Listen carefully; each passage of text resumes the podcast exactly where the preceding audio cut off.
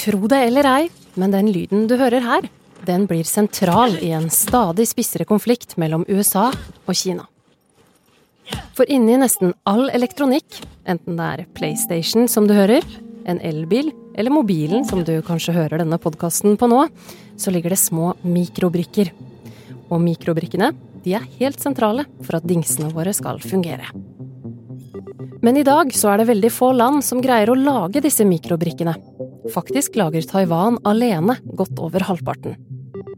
Og det er blitt en viktig del av teknologikrigen mellom supermaktene, Kina og USA. Og etter hvert som Joe Biden og Xi Jinping trapper opp, øker faren for at det som er en teknologikrig, kan bli til en ekte krig. Jeg er Hanne Marie Maugesten, og du hører på Forklart fra Aftenposten.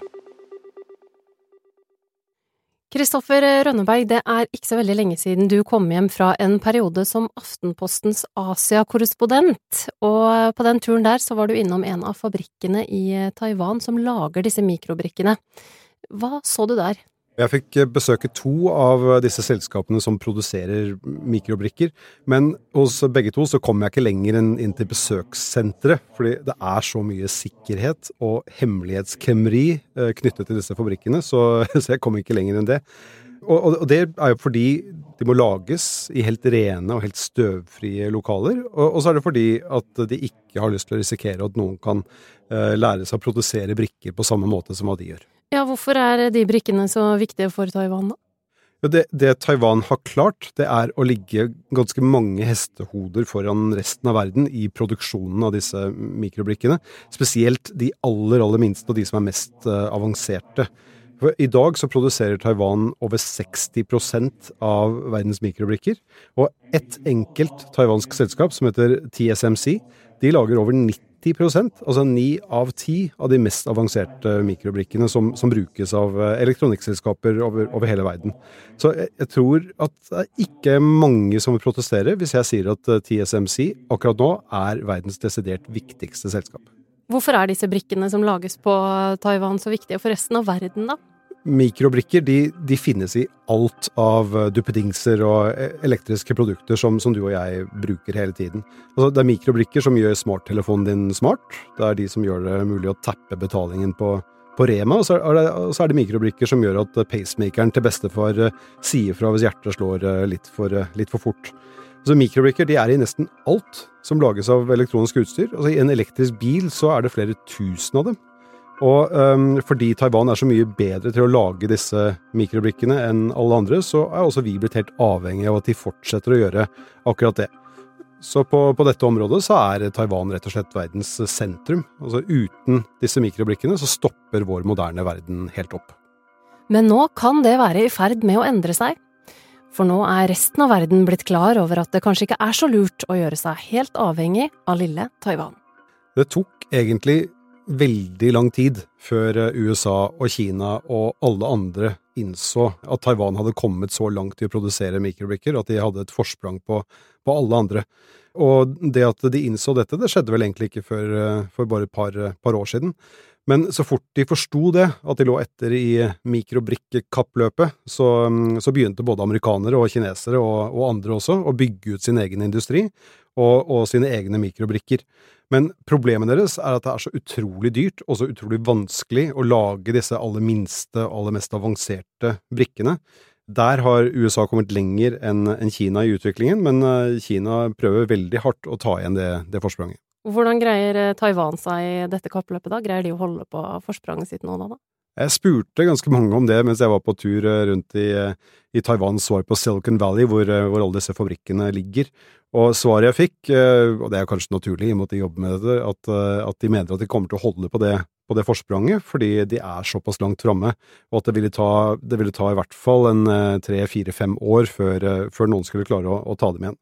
Og, og så videreutvikler de jo de prosjektene og de produktene de har, for å fortsette å, å ha den, det fortrinnet de har. Men det forspranget er i ferd med å bli mindre og mindre. For nå har særlig USA kasta seg inn i kampen. Og det kan få denne historien til å handle om mye mer alvorlige ting enn mobiler og elbiler.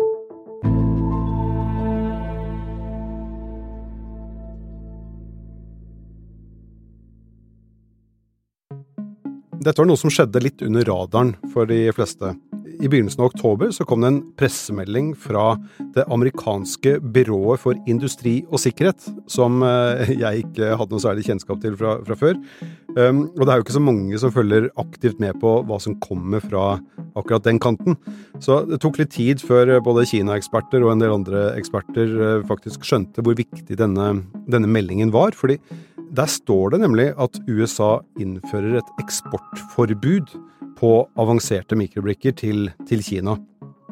Og det forbudet det gjelder også utstyr som kan brukes til å produsere sånne avanserte eh, databrikker. I tillegg til det så, så, står det at amerikanske borgere eller folk med oppholdstillatelse, altså green card i USA, de skal heller ikke få lov til å jobbe ved enkelte kinesiske teknologiselskaper. Så her prøver eh, president Biden rett og slett å legge kjepper i hjulene på, på kinesernes forsøk på å utvikle sånne avanserte mikrobrikker. Hvorfor er det så alvorlig, da? Jo, fordi Kina de er foreløpig helt avhengig av, å, av utstyr fra, fra, andre land, sånn at de kan videreutvikle disse, disse, brikkene som de ønsker å lage. Og Hvis de mister tilgangen til ekspertise og maskiner fra utlandet, så blir det mye vanskeligere for dem å utvikle sine egne brikker. Og når amerikanerne slutter å eksportere til Kina, så gjør de det også vanskeligere for produsenter i Europa og andre uh, USA-allierte land å, å, eksportere dette utstyret. Så, så, Kina blir rett og slett uh, skjøvet ut i kulden her. Joe Bidens nye lov, den som var gjemt langt inne i en pressemelding, sklir direkte inn i en konflikt mellom USA og Kina, som for alvor begynte med en gammel kjenning. We are being taken advantage of. Okay. And I don't like it. And I haven't liked it for many years. Trade war between the United States and China is here. It's real at the stroke of midnight. When they charge 25% for a car to go in, and we charge 2% for their car to come into the United States, that's not good. That's how China rebuilt. Donald Trump han eh, sa under hele valgkampen i 2015 og 2016, og så fortsatte han å si det etter at han ble president, at det var en ubalanse i handelen mellom USA og Kina, og at eh, amerikanerne var de som kom dårligst ut av, av det handelsforholdet der. Og Derfor så innførte han i, i 2018 eh, toll på ganske mange kinesiske varer, eh, sånn at de skulle bli dyrere å kjøpe for amerikanerne, sånn at amerikanerne skulle kjøpe amerikanske varer istedenfor eh, kinesiske. Eh, det begynte med solcellepaneler og, og, vaskemaskiner, og så ble det masse andre greier etter hvert. Og kineserne de svarte med å innføre toll på, på en hel del amerikanske varer, og dermed så ballet det på seg, og, og handelskrigen var i gang. Og hvordan passer eh, disse mikrobrikkene inn i den handelskrigen her, da? Dette begynte jo som en handelskrig, som du er inne på, men det ble fort klart for amerikanske myndigheter at det også handler om nasjonal sikkerhet for amerikanerne, fordi de hadde, blitt så avhengig av, av, kinesiske varer. Så da Biden overtok som president i 2021, så fortsatte han mange av tiltakene mot Kina. Og det er fordi han ikke vil at USA skal bli enda mer avhengig av, av disse varene og av teknologi fra, fra Kina.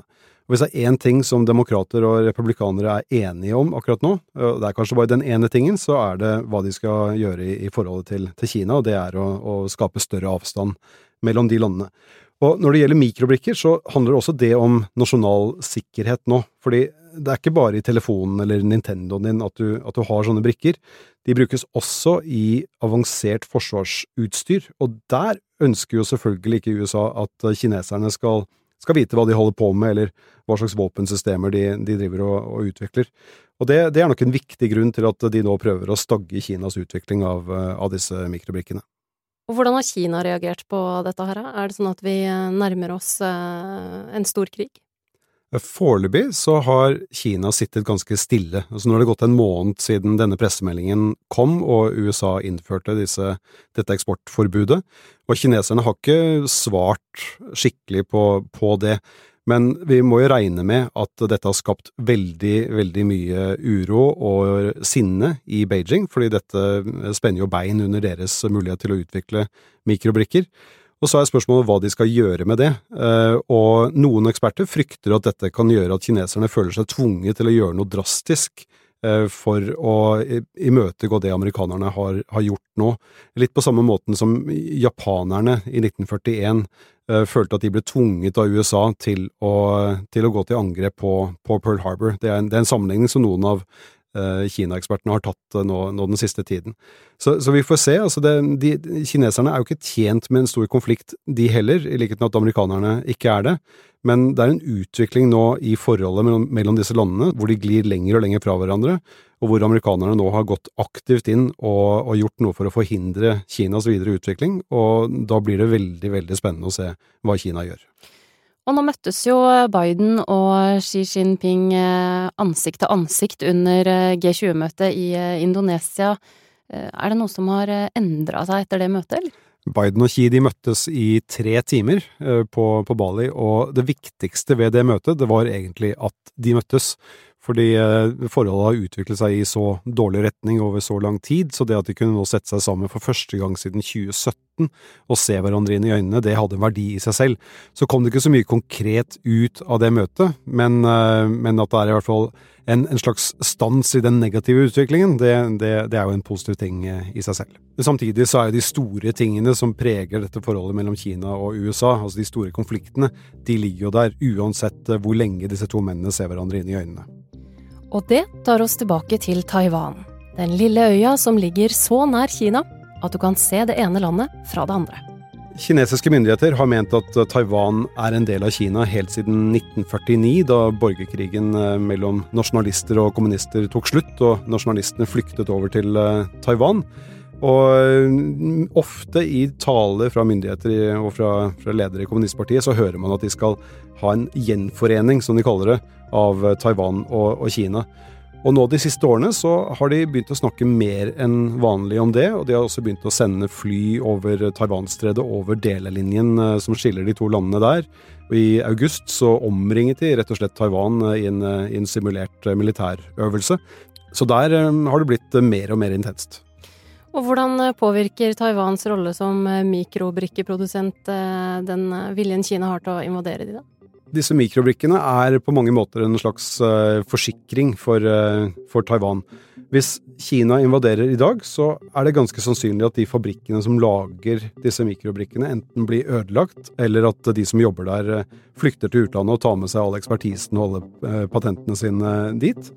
Og produksjonen av de avanserte brikkene de vil jo da stoppe opp, noe som er et problem for Kina, for de lager jo masse varer som inneholder disse mikrobrikkene. Hvis de ikke har mikrobrikker, så får de ikke laget varer, og da tjener de ikke penger. Så det er ikke noe Kina har, har råd til. Um, og det er det som gjør at disse mikrobrikkfabrikkene um, kanskje akkurat nå er det som i størst grad gjør at, at Taiwan ikke blir invadert. Men den forsikringen der, den funker jo bare så lenge øyet har dette monopolet på å lage avanserte brikker. Så, så fort andre, Kina f.eks., klarer å gjøre det samme, så mister taiwanerne den beskyttelsen som de har i dag. Og da må vi vel inn på USAs rolle oppi alt dette her? Ja, fordi president Biden han øh, har også øh, kastet seg inn i denne disputten mellom Taiwan og Kina, og han har fire ganger sagt at øh, USA er villige til å forsvare Taiwan militært hvis Kina skulle finne på å gå til, til angrep. Og grunnen til at, til at, amerikanerne nå viser en større vilje til å, til å, gjøre det, til å beskytte Taiwan, det handler litt om at de ønsker å bevare demokratiet som, som blomstrer på Taiwan, men mest av alt så handler det nok om, om egeninteresse for, for amerikanerne. Uh, USA de ønsker å bevare den handelsruten som, som går gjennom Taiwan-stredet i dag. Uh, for i dag så er det internasjonalt farvann, men hvis Kina skulle invadere Taiwan, så er det kinesisk farvann og vanskeligere å sende for eksempel amerikanske containerskip gjennom, gjennom der, da. Og I tillegg til, eh, til det så, så, vil jo USAs maktposisjon i hele Øst-Asia bli veldig mye svakere hvis Taiwan, som er en alliert av USA, skulle bli okkupert av Kina. Og det er jo ikke noe verken Biden eller eh, andre i amerikanske myndigheter ønsker. Ok, Så Kina blir eh, kanskje skremt fra å invadere, både pga. det her med mikrobrikkene, men også det at amerikanerne sier at de vil forsvare denne øya her? Ja, akkurat nå så er det ikke noe som tyder på at kineserne vil gå til angrep med, med det aller første, i hvert fall. Altså typ i år, neste år, 2024. Eh, vi, vi ser ikke noe tegn til at de trapper opp eh, militære installasjoner ved, ved, kysten på den andre siden av, av Taiwanstredet, altså på, på det kinesiske fastlandet. Og så vet vi også at Xi Jinping, altså partilederen eh, i Kina og, og, landets leder, han sliter en del med kostnader knyttet til pandemien, fordi de har denne nullvisjonen av eh, koronaviruset og nekter å åpne opp landet før, før de har utryddet sykdommen. Og I tillegg til det så vokser den kinesiske økonomien veldig veldig mye saktere enn hva myndighetene la opp til i, i begynnelsen av året. Så mm, mens de sliter med dette, så de ønsker jo fortsatt å ta Taiwan, men eh, altså, som, som, Mick Jagger eh, sang, You can't always get what you want. Og kanskje spesielt ikke hvis du mangler avanserte mikrobrikker.